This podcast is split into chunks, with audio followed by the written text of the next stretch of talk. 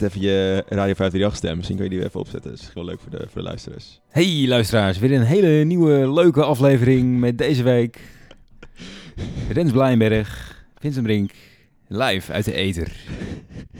Sorry, ik vind het echt heel grappig. Eh, ja, we zijn er weer. Ik moet even, we moeten even schakelen, maar we zijn er weer. Ja, we hebben vorige week wat beloofd. Twee weken geleden alweer, ja. Of, uh, ik zit altijd in weken, maar ik bedoel Ja. echt vorige aflevering inderdaad. Of komen we wel vaker. Eh, ja, Ja, en wat voor belofte. We gaan hem waarmaken, gaan maar hem ik denk, weet je of, weet niet of het gaat lukken. nou, het, het, eh, het komt altijd, uiteindelijk komt het altijd wel goed. Ja, Denk ja. ik. we gaan het namelijk hebben over eh, Japanse geschiedenis. Ja. En dan over Shogun. Dan begint eigenlijk al zijn naam. Hoe spreek je zijn naam goed uit? Tokugawa Ieyasu ga ik voor. En Ja? ik denk wel dat het klopt, ook een beetje als ik kijk naar filmpjes. Ik heb veel filmpjes gekeken op, eh, op YouTube. Heel Ja. veel over bijvoorbeeld Simplified Japanese History. Dat soort dingen. Om een beetje te begrijpen. Eh, maar goed, daar later meer over.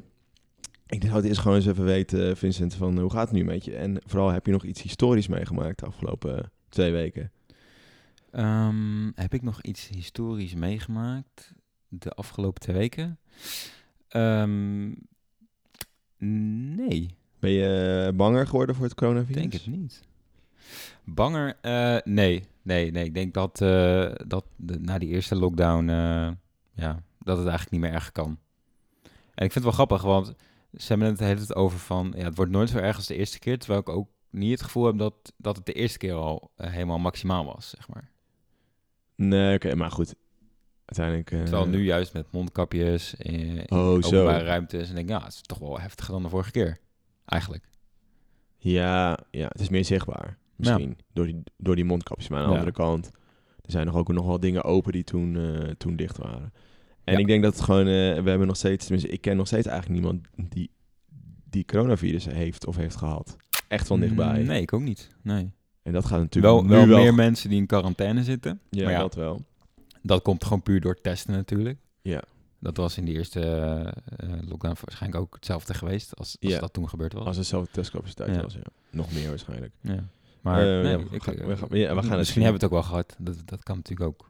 Ja. Zonder dat je het wist. Misschien, ja, misschien is dat ook wel het, eh, het beste. Ja. Nee, ja, ik heb ook weinig, weinig historisch meegemaakt. Ja. Eh, maar dat hoort er een beetje bij. Ik dacht, misschien is het nog wel leuk om even te kijken. Hè. We gaan het natuurlijk nu hebben over, over Japanse geschiedenis. En dat heeft natuurlijk wel ook deels te maken met nog steeds dat het de maand van de geschiedenis is. Oost-West. En ik was wel benieuwd van... ehm, hoe, hoeveel weet je eigenlijk als je, als je in Japanse geschiedenis denkt? Waar, waar, waar denk je dan aan? Aan Japanse geschiedenis, dan weet ik eigenlijk, ehm, denk ik, alleen maar dingen met Tweede Wereldoorlog. Ja, ik ook. Daar begint het, begint het pas Ja. Dan, dan komen zij opeens op het wereldtoneel van... Ja, Ja, en dat komt misschien ook wel een beetje omdat ze natuurlijk ongeveer tot aan de 19e eeuw bijna een soort eh, isolatisme hebben gevoerd. ja, Dus eh, heel erg in zichzelf waren gekeerd en weinig handel hadden met, met andere landen. Er waren wat, wat havensteden waar ze bijvoorbeeld met de VOC handelden, dat weet ik dan weer.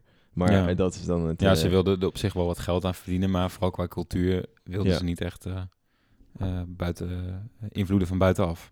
Nee, nee. En volgens mij rollen we nu zo in één keer denk door een beetje naar, maar naar de geschiedenis voor, voor Japan voor beginners. Ja, Want dat heb ik wel echt veel moeten kijken eh, de afgelopen tijd en veel over gelezen. En ik wist er echt helemaal niks van. nee. Eh, eigenlijk heb je al sinds 600 voor Christus ongeveer een Japanse keizer.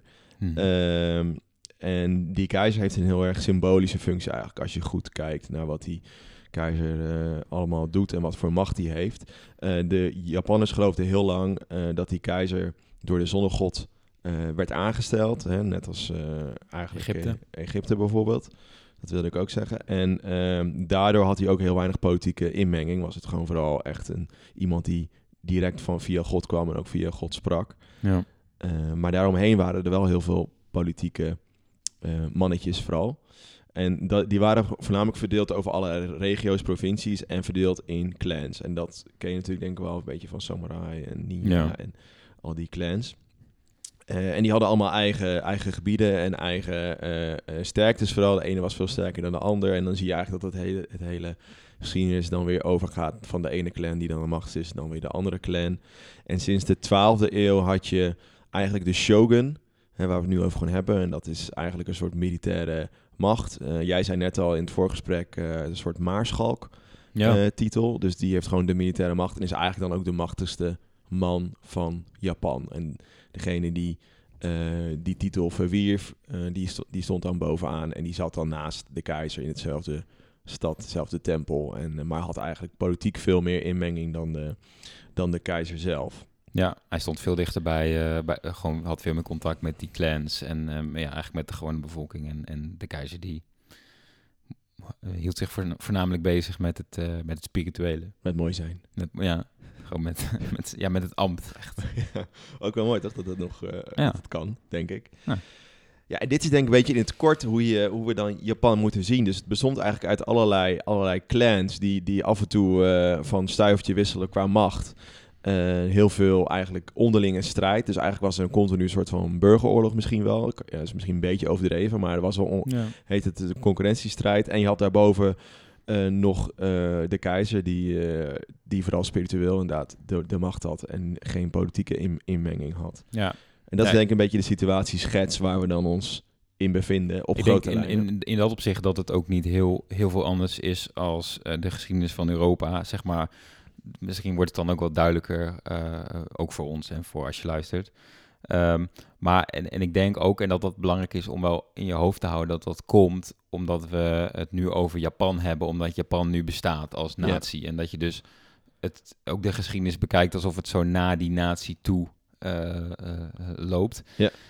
En, en dat zie je in Europa natuurlijk ook. Dat je, als je, weet ik veel, naar de geschiedenis van Frankrijk kijkt, heb je natuurlijk ook heel veel eerst losse gebieden. Of Duitsland eigenlijk nog veel beter voorbeeld. Ja. Dat hebben we natuurlijk al eh, eh, twee, eh, twee afleveringen geleden over gehad. Mhm. Dat er ook heel veel gebieden bestaan en dat het uiteindelijk naar één gebied toe komt. En dat het lijkt, ook dat bedoel ik omdat we met die beelden daarnaar kijken, dat het lijkt alsof dat het doel is of zo om naar centralisatie toe te gaan. Wel grappig, want het is wel degene, die, de man die vandaag centraal staat, dus Sh- Shogun Tokugawa Ieyasu, die, eh, die wordt ook gezien als, als, als de vereniging, of zeg je dat, als de Ja, ce- centralisator eh, sator van eh, Japan. Ik weet niet of dat een woord is, maar ik vind Ja. het wel mooi klinken. Dus dat zie je alweer, dat, dat in onze geschiedschrijving en de hele geschiedschrijving daar wel op gebaseerd is als in natievorming. ja precies. Ja. En, en, en nou was dat natuurlijk ook wel zo, maar het, het is natuurlijk ook zo opgeschreven met omdat we dat idee nu, denk ik, zo hebben. Maar inderdaad, ik denk ongeveer twee heersers eh, eh, voor, eh voor. Eh, die begonnen eigenlijk inderdaad met het steeds meer centraliseren van, van de macht. Ja. Ehm, en eigenlijk de, de voorganger van Ieyasu, die, die had het redelijk goed bij elkaar. Ja, en dan gaat hij dan gaat hij dood op een gegeven moment. Dus de voorganger van Ieyasu, die dus toen eigenlijk de hoogste militaire macht had in het land. Mhm. Ehm, en op een gegeven moment gaat hij, eh, overlijdt hij dus en heeft hij een zoon eh, die op dat moment nog maar vijf jaar oud is. Eh, nou ja, goed. vergelijk het weer met de Europese geschiedenis. Dan, dan gaat er altijd, gaan er altijd dingen mis. Mensen zien hun kansen van... Hè, ik let wel even op die jongen en ik ben een regent. Maar ondertussen Ja. hebben ze A, de macht... en B, nou ja, een jaar of tien de tijd om, om het helemaal naar hun hand te zetten. Of dat ze later zelf de macht hebben... of dat ze beetje die macht op de achtergrond kunnen behouden... ook als zo iemand dan eh, wel weer aan de macht komt, zeg maar, zo'n kind. Ja. Ja. En dat zie je hier ook. Er worden vijf regenten eh, aangesteld. Eh, waaronder eh, dus onze hoofdpersoon van vandaag. En, dan, en dan nog vier anderen. En, en die moeten het een beetje gaan... ja, in goede banen gaan leiden totdat, totdat het kind oud genoeg is om het weer over te nemen. Misschien is het nog wel interessant om even eh, nog een klein stapje terug te doen, denk ik. Want jij hebt het nu over die, eh, over die vijf Ja. regenten en over, over de clan die, die eigenlijk aan de macht is. Je, van die zoon waar, waar onze hoofdpersoon op moet letten. Dat is de Oda-clan. En het is ook nog wel een interessante geschiedenis van hoe dan die clans eh, op een gegeven moment bij elkaar zijn gekomen. Want ik zei net al, er was altijd een enorme concurrentiestrijd in Japan tussen, tussen, tussen die clans. En waarom eh, hebben ze, eh, heeft die Oda-clan het voor elkaar gekregen dat Ieyasu, dus Toku- Tokugawa Ieyasu, ons hoofdpersoon, opeens als bondgenoot daar weer is. En dus een soort Ja. van oppasser is van, van die zoon. En dat komt eigenlijk ehm, eh, dat we die periode daarvoor, eh, toen, hij, toen hij geboren werd eigenlijk, dat er eigenlijk sprake was van echt, echt een burgeroorlog in Japan. Jij had het net al over, over die twee voorgangers die wilden gaan naar die, naar die centralisatie. En daarvoor Ja. eh, werden er allerlei oorlogen en gevechten uit, uitgevochten. En, en een hele belangrijke clan in die tijd was de Matsudaira-clan. Eh, en die was eigenlijk niet heel sterk, maar die zat op een hele ehm, eh, strategische positie, namelijk dichtbij eh, Kyoto, de toenmalige hoofdstad van Japan. En, en dat was ook de plek waar de keizer en de shogun onder andere zat. Ja. Maar die, die clan was helemaal ingeklemd tussen de clans. Hè? Ingeklemd tussen de clans. De Oda-clan, hè, waar, we, waar je net over had. Dus die zoon waar we uiteindelijk op moeten Ja. letten. Daar kom ik straks meer over. En de Imigawa-clan. Imigawa-clan, denk ik dat je moet zeggen. Mhm. Ehm, Ja, en misschien voor de duidelijkheid, dus die, die Matsudaira-clan, eh, eh, daar behoorde onze Ja. hoofdpersoon dus Ja. toe. toe, ja, ja. En die Oda-clan, hè? snap je het nog? Ja? Eh, die vielen eh, de Matsudaira-clan aan in 1548. Eh, en ik zei net al, die Matsudaira-clan was niet zo groot, niet zo sterk. Dus die dachten, shit, wat moeten we nu doen? En die, ging, die zochten een bondgenoot. En die vonden ze bij de grotere en sterkere Imigawa-clan. En die wilden ook helpen, maar... eh, als tegenprestatie moest de, het hoofd van de Matsudaira-clan, dus de vader van ons hoofdpersoon, zijn zoon, ons hoofdpersoon, Ja. overlaten aan de, aan de Imigawa. En, en dus eigenlijk in gevangenschap naar hem sturen. Nou, Ja. Ze ha- hadden geen andere keus, dus dat deden ze ook. Meer als een soort borg eigenlijk. Eigenlijk een soort borg, Ja. ja. Het interessante is, en nu wordt het een soort Game of Thrones verhaal. Ik moest er heet, elke, elke keer aan denken. Het interessante is dat tijdens die reis van die zoon, hè, dus van ons hoofdpersoon, naar die, naar die andere clan, naar zijn gevangenschap, werden ze overrompeld, die mannen, door een hinderlaag. En dat waren de Oda-clan. Ze waren getipt waarschijnlijk. Eh, en de leden van de Oda-clan namen de zoon, hè, dus eh Yasu, mee eh, en namen hem gevangen. En ze namen eigenlijk ook meteen contact op met de Matsudaira-clan. En zeiden van, nou, als, je, als jullie je zoon terug willen, als jullie je troonopvolger terug willen... Ja. ehm, dan moet je nu je bondgenootschap opzeggen met die andere grotere Imagawa-clan. En eigenlijk gebeurde toen iets heel slims. Ze, de, de, de- zijn vader, de vader van eh, Via Yasu, bedacht iets heel slims. Eh, of misschien was het wel een soort, eh, nou, gewoon alles op rood. Gewoon, gewoon een pure gok. Want hij reageerde naar de, naar de Oda-clan van, ja, nou, weet je wat, dood mijn zoon maar. Want dit laat zien aan de andere clan hoeveel ik om dat bondgenootschap geef. Ja. Dus er kwam erop neer dat die, dat die Oda-clan in een soort van catch-22 zat. Van ja, shit, we kunnen eigenlijk niks doen. Doet het jou, bij jou ook een belletje rinkelen, deze... A Game of Thrones, maar... eh, ja, nee, of Abraham Isaac. eh, Ja, eh, dat ja. ook heel erg aan denken, hoor. ja. Van, hey, ik ben bereid om het te doen. Uiteindelijk is het niet gebeurd, maar Nee. dat je bereid bent, dat... Dat laat al zien hoeveel, Ja. je, hoeveel je om, die- om, om die vriendschappen van het bondgenootschap eh, dat ge- geeft. Maar het mooie is eigenlijk dat, dat, dat, dat de Odo-clan reageerde van... Ja, shit, ja, je, hebt, je hebt helemaal gelijk, we kunnen niks doen. En, stopte, en die stopte dus die zoon, die Ieyasu, ons hoofdpersoon, in een groot paleis. Of eigenlijk een tempel. En hield hem daar gevangen, maar hij kreeg gewoon goed te eten. En was gewoon Gouden kooi. Een soort gouden kooi waar hij in zat. Nou, jaren verstrijken uiteindelijk. Hij zit nog steeds gevangen. eh, en het hoofd van de, van de Oda-clan eh, ging dood. En eigenlijk veroorzaakte dit, dit, eh, die dood een soort machtsvacuum. Wat je heel vaak ziet. Hè? We hebben het al heel Mhm. vaak over het woord machtsvacuum gehad. En zorgde voor heel veel chaos ook binnen, binnen de, binnen de Oda-clan. En de Imagawa-clan, dus die andere hele grote sterke clan waar we het nu ook over hebben, ehm, viel de Oda-clan aan. Die dachten, dit is het goede moment. Eh, en pakte eh, die, onze hoofdpersoon weer terug. Dus uit die gouden kooi werd hij gehaald en, eh, en ging terug naar de, of die ging naar de, naar de Imagawa-clan. Wat eigenlijk ook de bedoeling was door de, voor, dat bondgenootschap. Ja. En dat was eigenlijk wel heel slim.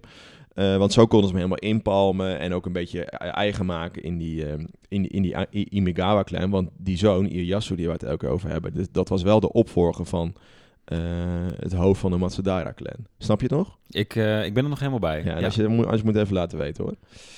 En samen, hè, dus de, de Matsudara-clan en de, en, de, en, en de grote Imagawa-clan vielen nu de Oda-clan aan. En het ging eigenlijk heel erg voortvarend. Hè. Die chaos die, die veroorzaakt wordt door, door de dood van het hoofd van de, van de Oda-clan... eh, zorgde ervoor dat ze eigenlijk bijna alles in één keer konden veroveren. Behalve het laatste bolwerk waar nu de opvolger zat eh, van het hoofd van, eh, van de Oda-clan. En ze waren eigenlijk al heel dichtbij. Zo dichtbij dat ze eigenlijk het feest aan het vieren waren van ja, yes, we hebben gewonnen. En hier begint een heel mooi mythisch verhaal, vind ik zelf. Let, let maar op, komt-ie. Ik, ik hang aan je lippen. Ja, dat, ik zie het de hele tijd al. Als je, als je eenmaal valt je denkt van wat praat je veel, moet je het gewoon zeggen. Maar dit is, dit is wel een leuk verhaal. Eh, ik zei net al, ze zitten in een kloof. Hè? De Ima- Imagawa-clan zit in een kloof. Lekker feest vieren, lekker drinken. Ehm dicht, bij, eh, dicht bij het bolwerk waar de, waar de laatste mannen zitten van de Odo-clan. 2500 troepen heeft hij nog. Terwijl de Imagawa-clan daar met 25.000 troepen aan het, eh, aan het feest vieren was. Maar de Odo-clan, het hoofd van de Odo-clan, wilde echt niet verliezen. En hij bedacht, ik ga er gewoon voor. Ik ga alles of niets weer spelen. Hè? Dus misschien ook wel een beetje die samurai-mentaliteit van ver- verliezen bestaat gewoon niet. Nee, Liever, liever in één keer verliezen dan maar dan... eh, liever eh, dood dan tweede. ja, nou, precies dat eigenlijk. Maar de kloof, waar die, waar die andere clan aan het feestvieren was, die kende hij op zijn houtje. Want hij kwam als kind al heel veel. Eh, dus hij stuurde, hij bedacht een plan. Hij stuurde 500 troepen van de 500 troepen die hij had, stuurde hij naar het topje van de kloof, waar, waar een klein, eh, ze zeggen dan een klein bolwerk stond. En daar liet hij die 500 man allerlei nep eh, legers eigenlijk neerzetten. Zoals het leek, alsof alle troepen die, die Odo clan nog had, die er boven op dat bolwerk stonden. Ja. En toen dacht, de, dacht die grote Imagawa-clan van, nou ja, hè, wij, wij zijn met zoveel man meer en we weten precies de weg naar, naar, naar dat bolwerk. We- Dat redden we wel. We kunnen lekker door met, eh, met feesten eigenlijk. Maar ondertussen was hij met 2000 andere mannen om de kloof heen gelopen via een ingang die hij kende uit zijn kindertijd. Het begon te regenen op dat moment. En de mannen waren aan het feest vieren en lekker aan het drinken. En je leest ook dat, dat dan het hoofd van, eh, van de Imagawa-clan lekker naar een play aan het kijken was. Ik denk een soort theaterstuk in zijn tent. Of misschien nog wel iets erotisch. Ik weet ook niet wat in die tijd gebeurde. dus het, het klonk een beetje erotisch. Maar goed. ehm, en op dat moment kom- ko- komen die 2000 mannen binnen in hun rug. En eigenlijk in één keer, hoe zeg je dat, in één keer verslaan ze die hele Imagawa-clan. En zorgen ze ervoor dat, eh, dat de Odo-clan eh, eh, aan de top blijft. En die Imagawa-clan in één keer verslagen wordt. Mhm. En dat was het einde van het, van het verhaal. En de Matsudara-clan, hè, waar, dus eigenlijk, waar ons hoofdpersoon vandaan kwam, die hoorde dit. En die zocht juist nu weer de bondgenootschap met de Oda-clan. En eigenlijk het gekke is dat ze dat gewoon accepteren, de Oda-clan. Die dacht van, ja, Ja. prima. joh. Maar, maar die, die Iyasu, die zat natuurlijk... die zat natuurlijk al jaren bij Gevangen. die Oda-clan. gevangen. Dus die dachten van, ja, en we weten hoe, wa- wa- wat we dan hebben. Dus we Ja. gaan het gewoon, gewoon doen. Nou, grappig hè, dat zie je natuurlijk wel vaker in de geschiedenis met zo'n verhaal. Eh, de Oda-clan is natuurlijk nu de overwinnaar. Eh, en, en de verliezer is altijd de meerderheid, hè? Altijd. Altijd, ja. En dat, dat, Spartacus, dat- eh, ja, precies 300. hetzelfde. En dan Ja. eh, de, de lafaards, en die kunnen ondanks hun, hun meerderheid eh, wisten ze niet te winnen. En Ja, wij maar juist is- door slimmigheid hebben Ja. gewonnen. Dat, Ja. dat is wel grappig. Ja, het is altijd zo, ja. En ik vraag me echt af of dit dan eh, echt in klopt. Het zou vast wel kloppen in grote lijnen, dit verhaal. Oh ja, vast wel. Maar dat is ook wel iets sowieso bijzonders. Van je weet gewoon echt bijna dag tot dag wat er allemaal gebeurd is met die shoguns. Ja. Alles werd bijgehouden en dat is allemaal dus terug te vinden. En dat is aan de ene kant heel fijn. Maar aan de andere kant is het ook mega verwarrend. Want al die shoguns en alle mannen... Het lijkt wel een beetje hoe machtig je wordt in Japan... hoe sneller je van naam verandert. Ja, Want onze hoofdpersoon Tokugawa Ieyasu heette eigenlijk heel lang Matsudaira Motoyasu. Naar dat automerk, toch? Is dat? Subaru? nee. Mitsu- Nee, dus, maar op een gegeven moment, eh, en, en, en we, we noemen hem nu gewoon bij Tokugawa Ieyasu, want dat is de naam hoe die herinnerd wordt in de geschiedenis. Ja. Maar al die namen die gaan elke keer door elkaar heen. Dus het is Ja. best wel een ingewikkelde alsof het al niet moeilijk genoeg is. voor ons. Ja. Ja. ja. Misschien is het goed om even, Ja, ik denk even een dus- slokje water te nemen, even rustig aan te doen en, tijd, eh, en even achter, achterover te zitten. En misschien is het wel tijd voor de quiz. Yes. Goed, laten we dat eerst even doen en dan komen we daarna weer terug bij de tijd na. eh, hè, de tijd eigenlijk als Tokuyaku, Tokugawa Ieyasu echt aan de macht komt. Ja. Zo, eh, het staat eh, 7-7. En we hadden natuurlijk vorige keer in onze vorige aflevering eh, de vraag gesteld over wat eh, eigenlijk aan de kijkers, omdat we allebei de vraag goed hadden, dachten we nou het is leuk om een vraag te stellen aan de kijkers. En die ging dus over eh, wat betekent Shogun. Ja, eigenlijk de, ja, de reden waarom we de- deze aflevering... Ja, eh, en ook eh. Laurens, eh, die had ingestuurd om als, als optie of als advies, als tip, om het over Tokugawa Ieyasu te doen. Oh, ook echt over ja. Tokugawa? Ja, ja. Oh. Ja. Dat, is, dat heb ik Wat je, ja, je moet even beter in onze DM's kijken. Ja, sorry, sorry jongens. Ik ga meer committen. Maar, dus we hadden de vraag gesteld, Shogun. En volgens het boek is daar dus de vertaling van militaire dictator. Ja. Eh, en de tweede optie was minzame heerser. En als je dan kijkt naar eh, Wikipedia, die zegt bijvoorbeeld legerleider die, die barbaren verslaat. Oké. Dus wat zou jij dan zeggen? Militair dictator of misschien toch minzame heerser? Wat dus de meeste mensen hadden geantwoord. Ehm, ja, uiteindelijk heeft het wel misschien wel meer weg van militaire dictator, denk ik. Zal ik eens kijken bij de Engelse... eh, Ja. Dat is misschien beter, de Engelse Wikipedia, wat die zegt. Ehm mm, waarom staat het niet bij wat het is?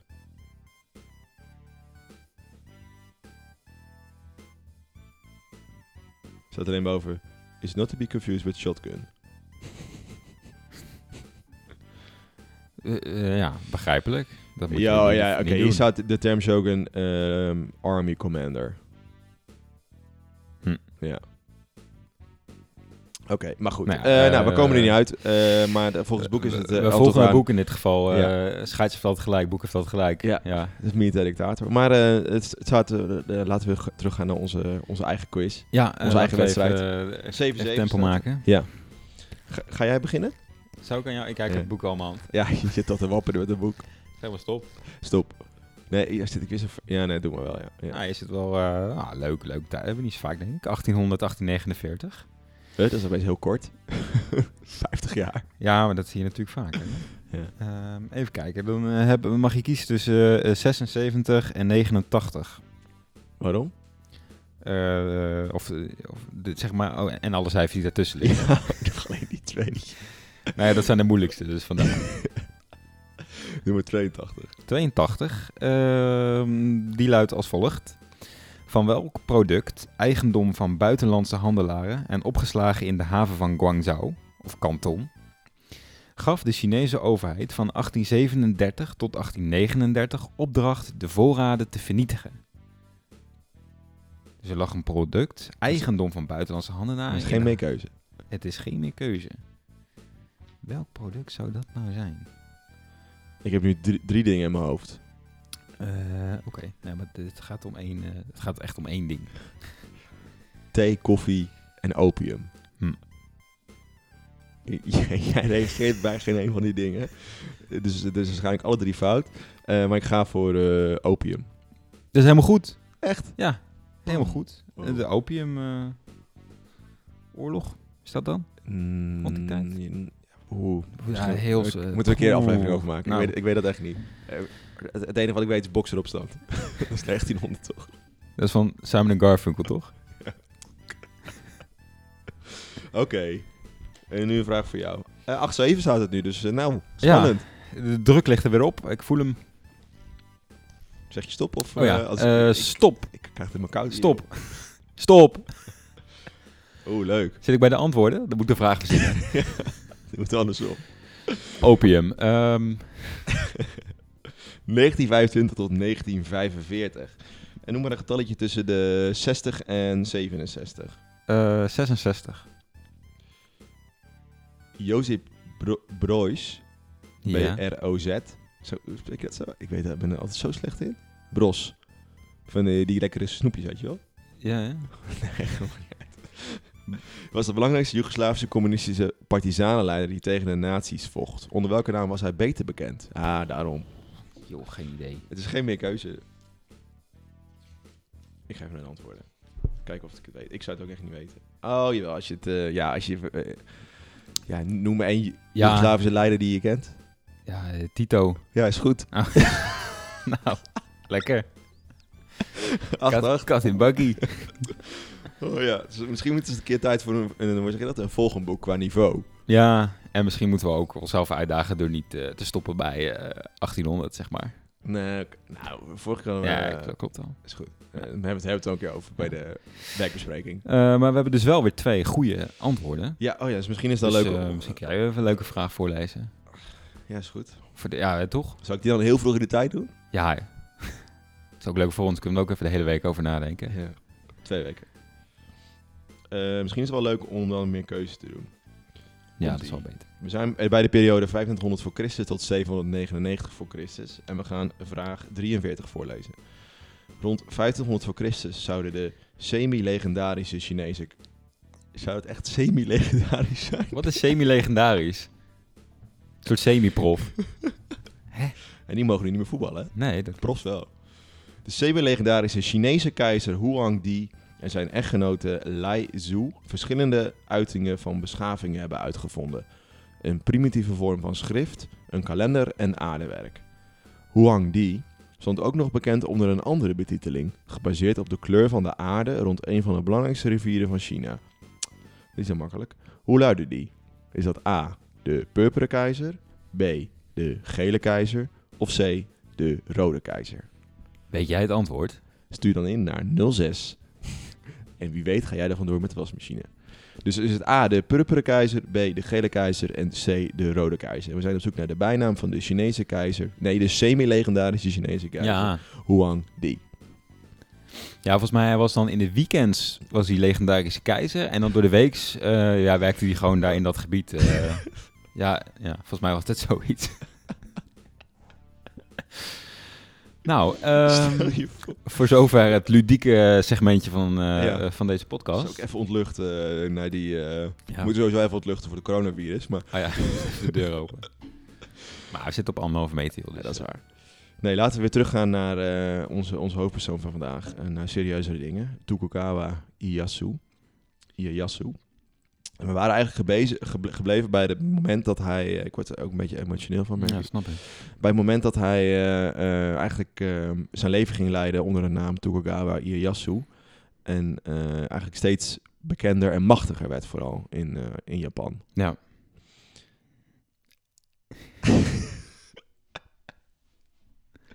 Ja? Ja. Wat willen we nu Nee, eh, nee, we kunnen gewoon weer naar die eh, waar, we, waar zeg maar, ik gebleven was en dan een beetje vanaf daar verder of zo. Ja, want waar was je? Kan daar wel, eh, zeg maar bij die vijf regenten. Oh ja, ja, ja. Zal ik het opnieuw doen dan? Ja. Zo, dan is het weer tijd denk ik om terug te gaan naar Tokugawa Ieyasu. Ik zit net- net te bedenken, we hebben helemaal niet gezegd wanneer hij geboren is. Normaal doen we het natuurlijk al bij het begin. Ja. Op zijn is- verjaardag, dacht ik. Nee, nee. Nee? Ik, heb ik heb genoteerd namelijk 31 januari 19- 1543 is hij geboren.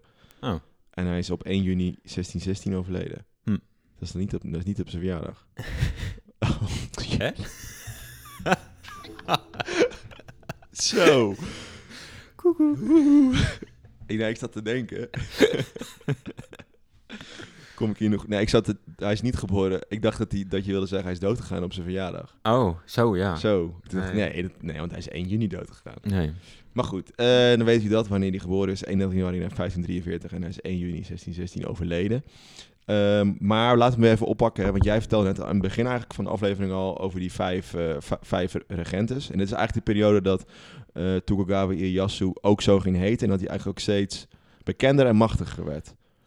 Ehm, nou, hij was dus een van die vijf regenten. Ehm, eh, nou ja, eigenlijk hij en dan nog één iemand anders waren dan weer van die vijf eh, de meest vooraanstaande. Ja, en dat kwam dus doordat hij weer bij die Oda-clan zich had Ja. aangesloten naar dat, eh, hè, naar dat hele verhaal wat ik net vertelde over die kloof, et cetera. Ja. En dan de, de leider van de Oda-clan, eh, die ging dood, Hideyoshi. Ja. Zijn zoon Hideyori, die, was, die was dus vijf jaar oud en kon niet de troon bestijgen. Ehm, eh, dus moesten de vijf regenten de honneurs waarnemen. Ehm, en het, het verzandt al wel redelijk snel in een strijd tussen eh, Tokugawa Ieyasu en Ishida Mitsunari. Eh, die Mitsunari, dat was dan... eh, die, andere Die, die andere regent die eigenlijk ook redelijk vooraanstaand was. Mitsunari die bleef trouw aan Hideyori, dus de zoon die uiteindelijk de, de, de leider zou worden. Mhm. En onze Tokugawa Ieyasu, die zag eigenlijk zijn kans schoon om in het machtsvacuum, nou ja, de, het favoriete woord eh, van de podcast, eh, zijn kans te grijpen.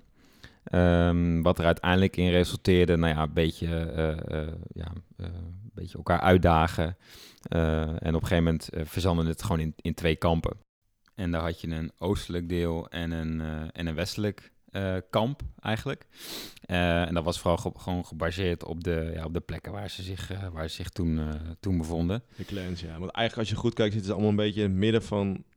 Vooral de clans waar nu die belangrijk zijn in deze strijd zitten wel een beetje in het midden van Japan. Ja. En ze willen allemaal Kyoto eigenlijk in handen krijgen. Want dan ben je dus de shogun. Ja. ja. ja. En Tokugawa Ieyasu zat dus in het ene kamp en in het andere kamp zat, zat Mitsunari. Um, nou ja, ze verzamelen eigenlijk een leger bij elkaar. Een leger van die daimyo's. Daimyo was een soort lokale heerser uh, uh, die dan weer een legertje onder zich had. En al die legers bij elkaar, nou ja, Game of Thrones, denk daaraan, dan, dan snap je denk ik wel ongeveer wat het inhoudt. Ja, een soort leenstelsel misschien. Een soort leen, uh, leenstelsel. Leenmannetjes. Ja. Leenmannetjes. En die werden opgetrommeld en uiteindelijk in twee kampen verdeeld. En uiteindelijk troffen ze elkaar in, een, in een allesbeslissende veldslag. wij kennen onze slag bij Nieuwpoort, 1600. Nou, in hetzelfde jaar kennen zij hun, Wat denk je? de slag bij Sekigahara. Ja. Ehm, wat eigenlijk de grootste slag is eh, in de Japanse geschiedenis.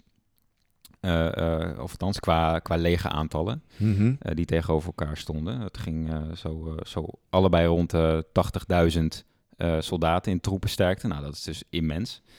Ehm, en eh, voordat die slag begon, ehm, was het al een beetje over en weer gewoon die clans eh, voor je proberen te winnen. Hè. Al zat een clan al in een ander kamp, alsnog probeer je dat contact te onderhouden. Ja. Eh, nou ja, Ja, het je- is echt gewoon Game of Thrones. Ja. dat gebeurt de hele tijd in die, het in die Japanse allemaal, ma- allemaal machtspolitiek. Ja.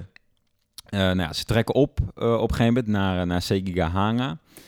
De zoon van Iyasu, die neemt een andere route. En die zou zich dan later weer bij zijn vader voegen om tegen Mitsunari eh, te vechten. Ja. Eh, nou ja, die zoon die, die is nooit opkomen dagen, of althans te laat. En toen was de slag al voorbij, dus daar had hij, eh, had hij uiteindelijk niks aan. Brug open, je Ja. weet hoe dat gaat. Mondkapje vergeten, moet je weer terug. Ik ken het wel. Ja, gewoon, gewoon gedoe. Ehm, dus op een gegeven moment, ze stonden daar. Het was, het was 20 oktober. Stonden op het slagveld bij, bij Sekigahara. Tegenover elkaar. Nou, gewoon klassiek zoals we dat kennen. Ja. Eh, en bovenop eh, eh, de berg, of een heuvel eigenlijk, Mhm. stond een, een andere, ja, zo'n daimyo eigenlijk. Kobayakawa heette die man. Mag je meteen vergeten, toch? Mag je, op, op zich mag je dat meteen vergeten, behalve dat hij eigenlijk de bescherm, echt de beschermheer was van, de, van, dat, van dat kind, eh, van dat kindkeizer, van die Ah, kindkeizer, ja. jongetje. Nee, kind Shogun. Kind Shogun, Ja. Shogun, ja, sorry, geen Ja. Shogun. Hij was ook een neef van, eh, van hem. Nou, leuk om te weten. Die stond daar en die hoorde bij het kamp van Mitsunaru, hè, want dat die was ook in principe, eh, stond hij ook een beetje aan de kant van dat, eh, van dat kind. Ja. Die stond daar op die heuvel en die moest wachten op het signaal dat hij eigenlijk vanaf de flank, hij stond aan de zijkant, vanaf de flank Yasu kon, kon aanvallen. Maar Yasu wist eigenlijk al wel van tevoren nou ja, dat, dat deze eh Kobayakawa eh, aan zijn kant eh, eventueel zou kunnen komen te staan. Ehm, nou, de slag is bezig en eh, op een gegeven moment eh, wil eigenlijk Mitsunari wil de genadeklap toe, eh, toebrengen aan Yasu. En die, eh, die, die blaast trompetten, die schiet een paar eh, van die bloemfontein eh, vuurpot eh, vuurwerk af. Eh, en om, omdat eh, zijn aanval moest doen. Alleen doet niks. Hij doet gewoon helemaal niks. Hij staat daar. hij kan niet beslissen van ga ik nou aanvallen of niet. Ehm wat eigenlijk weer een beetje terugvoert om helemaal allemaal intriges erbij te halen. Dat deze Kobayakawa vroeger ook in een veldslag zijn ding moest doen. Werd hij uitgezonden door die, eh, door die eh, shogun die gestorven is, de vader van die jongen. Toen was hij nog heel jong en onze Yasu heeft hem toen een beetje daarvoor beschermd dat hij niet dood zou gaan. Dus daar zit ook nog een beetje loyaliteit. Terwijl hij eigenlijk bij Mitsunari hoort, maar hij denkt aan loyaliteit aan onze Yasu. Volgt, volgt iedereen het nog? ja, ik volg het, ja. Ehm, dus hij, zit, hij zit een beetje in twee strijd. Uit Game of Thrones. Hij zit in twee strijd. Ehm, en hij kan niet beslissen. En op dat moment, wat, wat doet onze Yasu? Hij, hij vuurt zijn kanonnen af op de troepen van eh Kobayakawa. Dan denk ik van, oké, waarom zou je dat doen als je hem aan, aan je kant wil? Leuk feitje, leuk feitje. Leuk feitje. En op dat moment Die kanonnen, hè? beseft hij, Zijn, ja, waarsch- zijn, zijn waarschijnlijk Nederlandse kanonnen geweest. van uh, Jacques Spex. En van de VOC, ja. Van de dat, is, dat, is, dat, is, Ja, wel- dat is een roddel. Maar Ja. dat, is, eh, dat eh, is nooit helemaal be- eh, bewezen, maar de kans is heel groot. Ja. Maar goed, ga door. Nou, dus hij vuurt, die, eh, hij vuurt die kanonnen af. En eh, op dat moment eh, realiseert Kobayakawa zich van... waar ben ik mee bezig? Ik hoor bij hem. En, en winnen. Yasu, Tokugawa Yasu, die wint. En is daarmee, heeft eigenlijk zijn grootste tegenstander uitgeschakeld. En heeft daarmee eigenlijk zijn machtspositie ja, verstevigd. Maar even, wat ik, wat ik nu niet helemaal goed, begreep, dat, dat laatste stukje. Hij voerde, vo- voerde zijn kanonnen, zijn Nederlandse kanonnen af op eh, die andere beschermer van het kleine jochie. Ja. Wat is, en hoe daarna, of heb ik niet goed opgelet?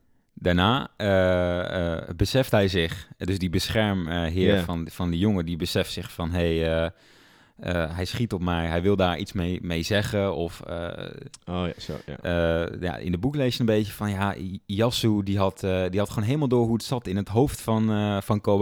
Ja, van, samurai. hij, hij kan niet kiezen en hij had even iets nodig. En dat hij zich toen besefte van, nee, mijn loyaliteit ligt bij hem. En we pakken samen Mitsunari. En daarmee was de, daar was Tugagawa clan geboren. Ook nog zeer aan detail, eigenlijk naast die kanonnen. Mhm. Ehm, de, de troepen van Mitsunari, die beschikten ook over, eh, over haakbussen, noemen we dat eigenlijk. Ja. soort, eh, En die kwamen dan- Hele vroege geweren. ja, uit Portugal, toch waarschijnlijk? Ja, die kwamen waarschijnlijk eh, van de Portugezen inderdaad. En dat is wel grappig, want eh, als je dan... eh, nou ja, goed, er zijn wat remakes van eh, die dan gebaseerd zijn op, eh, op de bronnen. Eh, en als je dat dan ziet, eh, ja, dat is zoals we dat vaker in de geschiedenis zien. Ik denk dat we het al wel eens vaker ook over hebben gehad. Mhm. Dat je dan zie je die, die ridders, die, die, samurai, die, die zie je op, eh, op die haakbussen aflopen. Gewoon geschreven kans. Ja. Dan worden ze allemaal omvergeschoten. Dus eh, dat was ook het grootste voordeel van Mitsunari. En hij was daarom ook echt aan de winnende hand. En juist door die, eh, ja, die, door die omwenteling van, van Kobe-Kayawa eh, heeft Yasu gewonnen. Dus als dat niet gebeurd was, want hij had dus al pech omdat ze zo niet kwam opdagen. Eh, ja, was de geschiedenis eigenlijk heel anders gelopen. En, hij- maar daardoor, door, door die overwinning heeft eh, Tokugawa Ieyasu eh, het shogunschap te Het pakken shogunaat, ja. shogunaat te pakken gekregen. En eh, eigenlijk voor een hele grote omwenteling gezorgd in, eh, in Japan. Want jij begon je deze aflevering al te vertellen over dat centralisatie heel belangrijk was. Terwijl het misschien wel onmogelijk leek eh, in Japan door al die clans. Eh, maar doordat hij dat shogunaatschap, sho- shogunaat, eh, te pakken had gekregen, eh, ging hij wel aan de slag met die, met die centralisatie. Eh, en daarvoor, daarvoor had hij een bepaalde tactiek, ook wel een bepaalde beleidslijn. Eh, en dat, die bestaat eigenlijk uit verschillende punten, maar ik denk als je het in het kort samenvat, was dat hij eh, alle... Er waren ook wel heel verschillende clans helemaal verslagen zelfs in, in die hele periode, eigenlijk in die hele lange burgeroorlog die meer dan 150 jaar duurde. Ja, dus dus er was voor- heel, heel, twee kampen en, en, en ja, nu moest hij gaan puinruimen, Ja, want hij had dus eigenlijk heel veel vijanden waar die, die hij nu weer moest Ja, en er waren ook al clans voor deze hele slag al, eh, eh, al uitgemoord. Ja. Hè? Ook, denk maar aan die kloof bijvoorbeeld, Ja. de oorlog tijdens die kloof, waar ik het in het begin over had. Dus wat hij deed was dus al die, die, die clans, al die gebieden, die provincie eigenlijk opnieuw verdelen. En ook juist dus geven aan zijn vijanden. Ja, want er waren dus inderdaad ook eh, clans uitgeroeid, eh, inderdaad eerder en tijdens, tijdens Mhm. deze slag. Dus die landen die waren allemaal beschikbaar. En die heeft hij allemaal weer herverdeeld. En waar ook, waaronder dus ook aan, aan, zijn, aan zijn vijanden. Juist ook om zijn eigen kamp weer niet te, te machtig te maken. Om daar niet ook personen zoals hij zelf was voor die tijd te creëren. Ja, ja. En daarnaast eh, ging hij nog meer eigenlijk de, de buitenlandse grenzen op slot doen. Dus we hadden het net over Ja. die eh, Portugese wapens en misschien dus die Japans of die Ne- Nederlandse kanonnen. Eh, van het VOC-schip De Liefde, schijnt. Ja, dat heb ik ook gelezen. Ja. Maar dus ging hij dus nog meer eigenlijk het land afsluiten van, van de buitenwereld. En werden bijvoorbeeld christelijke missies van, van de Jezuïeten werden eigenlijk eh, de deur uit, eh, uitgezet en werden verboden. Dus er mochten geen missionarissen meer het land eh, binnenkomen. Nee, een paar moordpartijen zelfs Ja, van Jezuïeten. ja. En wat eigenlijk, heel, wat eigenlijk heel slim, wat hij eigenlijk nog heel slim deed, was nog een keer die rol misschien wel benadrukken van, van de keizer. Als in dat, dat eigenlijk de keizer, zei hij, mocht geen connectie meer hebben met, met de machtige militaire families in, in Japan. Dus niet meer met, met shoguns, daimo's, de machtige clans. En, en ook niet meer vice, vice versa. Dus die clans mochten ook geen contact meer hebben met de keizer. Ja, maar zet de- hem eigenlijk gewoon volledig uh, buitenspel. Ja, de keizer was het enige was nog de be- be- bemiddelaar tussen de goden en het, eh, en het volk. Nou, Ja, hele mooie rol. nodig, Maar ja. ja. heb je ook nodig. Ja. Geen idee wat je dan precies doet, maar Ja, gewoon bidden. ja, dat is ook belangrijk. Ja. Dus dat, daarmee zet hij eigenlijk het hele, ja, het, de, de keizer helemaal buitenspel en had- hij zelf de macht, macht in handen. Ja.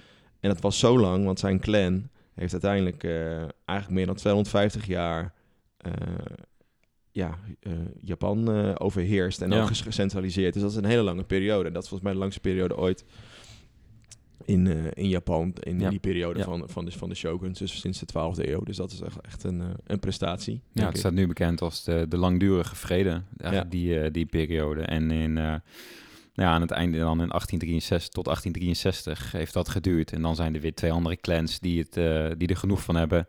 En juist weer eh, meer conne- connectie willen met de rest van de wereld. En hem dan, eh, of, of nou ja, hem niet, want hij is natuurlijk al, al lang uh, dood. Cassieweide. Ja. Eh, eh, zijn clan omverwerpen Ja. en eh, de moderni- modernisering inzetten. Ja. Maar goed, dat heeft, ja, dat heeft dus echt wel lang, lang geduurd. En tot die tijd was Japan dus, in tegenstelling tot heel veel andere landen in de wereld, echt zo'n heel, nog een hele traditionele cultuur. Ja, en daar hebben ze helemaal mee afgerekend. Ja, Vanaf ja, de 19e eeuw. Samurai verboden, Nia is geen opleiding meer voor. eh, Nia's uit het leenstelsel. ja, maar, nee, maar echt, die, die, ja, dat, dat kon gewoon allemaal niet meer. En ze zijn Ja. helemaal gaan moderniseren. Ja. Eh, dat zie je natuurlijk ook na, vooral na de Tweede Wereldoorlog. Nou, ja, eigenlijk gewoon vooral na de Tweede Wereldoorlog hebben ze dat helemaal doorgezet. En zeiden ze volgens mij is er geen land zo snel gemoderniseerd als, eh, als Japan. Ja, want, deze, want die, die twee clans, eh, nou, we gaan lekker van het onderwerp af. Maar goed, Ja. als je toch luistert, dan, dan ben je echt een fan. Die zijn dus nog aan de macht geweest tot na de Tweede Wereldoorlog. En daarna is, is er niet echt meer sprake meer van clans. Maar dus tot na de Tweede Wereldoorlog eigenlijk nog soort van zo'n systeem zoals we Ah, dat nog nu steeds wel door Yakuza. Ja, ja, ja. Japanse maffia. ja. Niet hard zeggen. Ze staan niet over de deur. Ja, nou zo, dat was denk ik eh, was een, was een zware bevalling. En ik denk eh, dat we misschien ook wel wat foutjes hebben gemaakt. Hè, kan gebeuren, kan erin sluipen. Voor ons ook weekend. Ja. Eh, dus je denkt van, hé, hey, dit klopt helemaal niet. Of hé, hey, dit, dit snap ik niet. Je, ja, iedereen weet ons te vinden. Stuur gewoon je vraag op Ja. desnotes eh, naar info.hisinherstory.nl ja. of via onze socials. Eh, hisanhistory.nl. We hebben een apart e-mailadres. kan daar gewoon heen.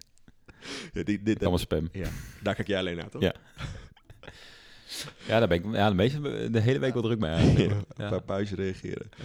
Ja, Nee, dus- maar ik, nee, ik vind het echt leuk dat we, dat we een keer ons eh, ja, buiten Europa in ieder geval hebben, Ja. hebben gewaagd. ja, dus je ziet ook, hè, als je een leuke suggestie hebt, dien er gewoon in. Want eh, Ja. Het is voor ons ook leuk. ja, dit is voor ons ook leuk. Ja. Het kost soms even wat meer moeite, maar eh, eh, dit is een heel, was een heel onbekend verhaal. Voor mij eigenlijk nog steeds wel een beetje Ja, onbekend. maar ik, ik heb voor mezelf wel, en ik hoop dan ook voor de luisteraars, wel een beetje een basis gelegd om weer, eh, om juist wat, wat eh, interesse te wekken. Om, Ja. eh, Ja, jij, jij vroeg net al van, is er niet een leuk boek die dit Ja. gewoon allemaal goed uitlegt? Ja. Dus heb je, mocht je een leuk boek hierover hebben, ja, Laat ons ook even suggestie. weten. Of überhaupt leuk, leuke, leuke geschiedenisboeken. Heb je tips? Heb je zelf mee geschreven? Het wordt heel breed nu. Heb je een lekker appeltaartreceptje? Kun je gewoon allemaal doorgeven. De herfst komt er weer aan. Zeker nog, we zitten er We zitten allemaal weer thuis. Ja. Niks te doen. Nee. Hé, hey, maar leuk. Leuk. Eh, ja, bedankt Vincent Ja. voor, je, voor, je, voor je inzet. Jij ook bedankt voor het, eh, voor het onderdak. Ja. En uh, volgende keer hele avond, hè. Hey, dag. Yo.